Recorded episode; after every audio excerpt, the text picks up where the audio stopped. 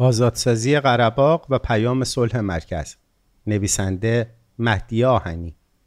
من می‌خواستم که سرزمینمون از طریق صلح و گفتگوی دولت گرفته بشه.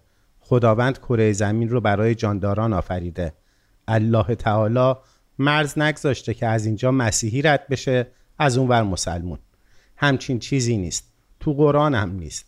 خوب بود که آزادسازی قرباق از طریق صلح انجام می‌شد. مثلا من تو یوتیوب دیدم که ملت ارامنه ملت معمولی ارامنه رو میگم و اولادشون رو که برای سربازی میفرستادن گریه هاشون رو دیدم. مردم ما هم عینا همونطور گریه می‌کنن. همه گریه می‌کنیم. هممون عین هم فکر می‌کنیم که بچم داره میره به پیشواز مرگ. اگه آزادسازی از طریق صلح اتفاق میافتاد شاهد قتل عام نمی‌شدیم دیگه. اینها بخشی از سخنان نگار اسکرووا از آذربایجانی های مهاجر کوچ اجباری قره‌باغ است. اینها بخشی از سخنان نگار اسکرووا از آذربایجانی های مهاجر کوچ اجباری قره‌باغ است که در برابر دوربین تلویزیونی میدان تیوی می‌گوید. مدتی قبل در بحثی از مواجهه اتنیک فرادست با اتنیک فرودست در ایران دوستی پیشنهاد کرد چرا به جای تشریح برتری فرادست جهان فرودست خود را تشریح نکنیم. به گمانم این هم روش دیگری برای ورود به موضوع نابرابری و هژمونی است اگر بخواهم از جهان حسی زنان آذربایجان نسبت به مناقشه اخیر آذربایجان و ارمنستان بر سر قرباق سخن بگویم آمدانه نگار را این زن مهاجر بعد از اشغال قرباق را نماینده تمام و کمال این جهان می‌دانم. نماینده زنانه ترین نگاهی که می‌توان به جنگ و صلح داشت. اما منظور نگار از صلح چیست؟ این زنان ضد جنگ چه درکی از صلح دارند که برخلاف درک جنگ طلبان هیچ قرابتی با تسلیم یا همسویی با اشغالگر ندارد؟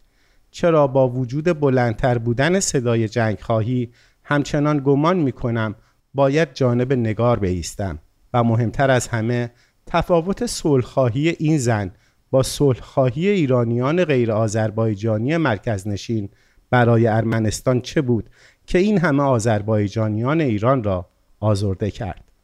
به نظر می رسد واژه صلح کاربردهای متعارضی را داراست.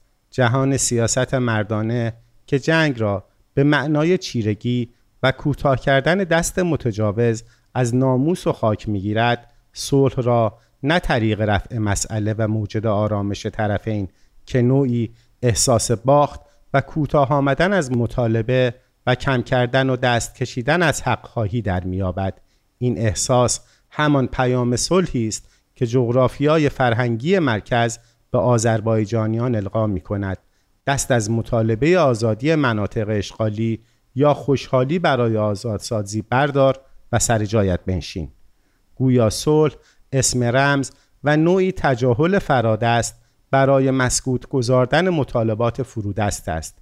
با همان تنین آشنایی که واژه متکبر امنیت ملی برای هویت طلبان غیر فارس ایرانی دارد. دعوت به وحدت و امنیت و صلح از جانب فرادست خطاب به فرودست زمانی که امنیت و نابرابریش از طرف فرودست به مخاطر افتاده بیشتر تنین ناعدالتی می‌دهد تا خیرخواهی آذربایجانی در برابر روی کرده مرکز به واژه صلح همین معنای بیعدالتی را می‌گیرد و از همین رو دچار خشم و آزردگی می شود. ایرانیان متعلق به جغرافیای فرهنگی مرکز که صاحب امتیاز هژمونی فارسیاند در برابر خشم آذربایجانیان چه آن سو و چه این سوی عرس از تجاوزگری و جنگ افروزی دولت ارمنستان سه روی کرد از خود نشان دادند. یکی از روی کردهای آنان سکوت بود. صفحات مجازی پر شده بود از دلایل این سکوت که این مناقشه ارتباطی به ایرانیان ندارد و هر گونه حمایت یا محکومیت یا به زبان ساده تر خشم یا خوشحالی ترکای همزبانشان در این سوی عرس نوعی کاسه داغتر از آش شدن است. واکنش آذربایجانی های ایران در این فضای ناهمدلانه جمله کوتاهی شد که به سرعت فضای مجازی را پر کرد. ما خود آذربایجانیم. پیوند مردمان ساکنان دو سوی مرزها پیوندی صرفا زبانی نیست. بعضا شهرهای آن سوی عرس که گاه از اشغال ارمنستان هم آزاد می‌شد شهرهای همنام خود در این سو در بخش ایرانی دارد. مراوده فرهنگی و اجتماعی این ملت به جهات تاریخی غیر قابل انکار است و چیزی نبوده که با مرزکشی صاحبان قدرت در قلبها هم مرز بکشد. از طرفی همدلی انسانی با همسایگان سیاسی کنشی قابل سرزنش یا مستلزم گلچین کردن نیست رویکرد دوم همسو با ظهور سلیبریتی هایی در داخل و خارج بی به قطنامه های سازمان ملل و در حمایت از ارمنستان بود دلایلی که بر سر زبان ها میچرخید آن بود که ما در کشور ارامنه هموطن داریم و به حرمت آنان با ارمنستان همدلی می کنیم. روزنامه های رسمی کشور تیترهای ضد آذربایجانی زدند و علا رغم حمایت دیرهنگام و مردد سفیر رسمی جمهوری اسلامی و چندین سمت رسمی کشوری از جمهوری آذربایجان اتمسفر اجتماعی حاکم بر رسانه های رسمی و غیر رسمی احساسی خلاف این به ترکای ایران مخابره می کرد. پیش کشیدن هموطنی با ارامنه در کنار جمعیت و پراکندگی ترکای آذربایجان در سراسر ایران چیزی جز ندیده گرفته شدن و یک بهانه عجیب نمی نمود. اما رویکرد مناقش آمیز سوم خواهان صلح و ظاهرا ضد جنگ بود. این رویکرد که پرچم دو کشور را با قلبهای مجازی کنار هم می نشاند و توییت یا استوری می کرد نمی‌خواست از مسئله صحبت کند و به اصطلاح روی موضوع بایستد برای این روی کرد علت مناقشه وضعیت آوارگان و در واقع مسئله اشغال و تجاوز فاقد اهمیت و موضوعیت بود. این نوع مساله خواهی ریش سفیدانه خواهان مسکوت گذاشتن حقخواهی آوارگان بود و نامش را بیطرفی مینامید. بیطرفی گویا اسم رمز فراده است برای خالی کردن پشت فرودست مطالبهگر و تنها گذاشتن او بود.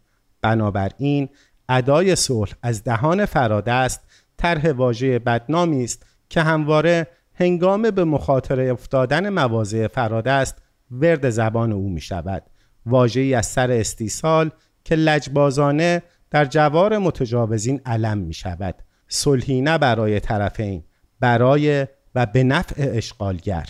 فردای روزی که تصویر آیسو دختر بچه کشته شده در حمله موشکی ارمنستان به شهر گنجه آذربایجان که خارج از محدوده جنگ دو دولت بود در صفحات مجازی دست به دست می‌شد گلشیفت فراهانی در فستیوالی در حمایت از ارمنستان مشارکت کرد.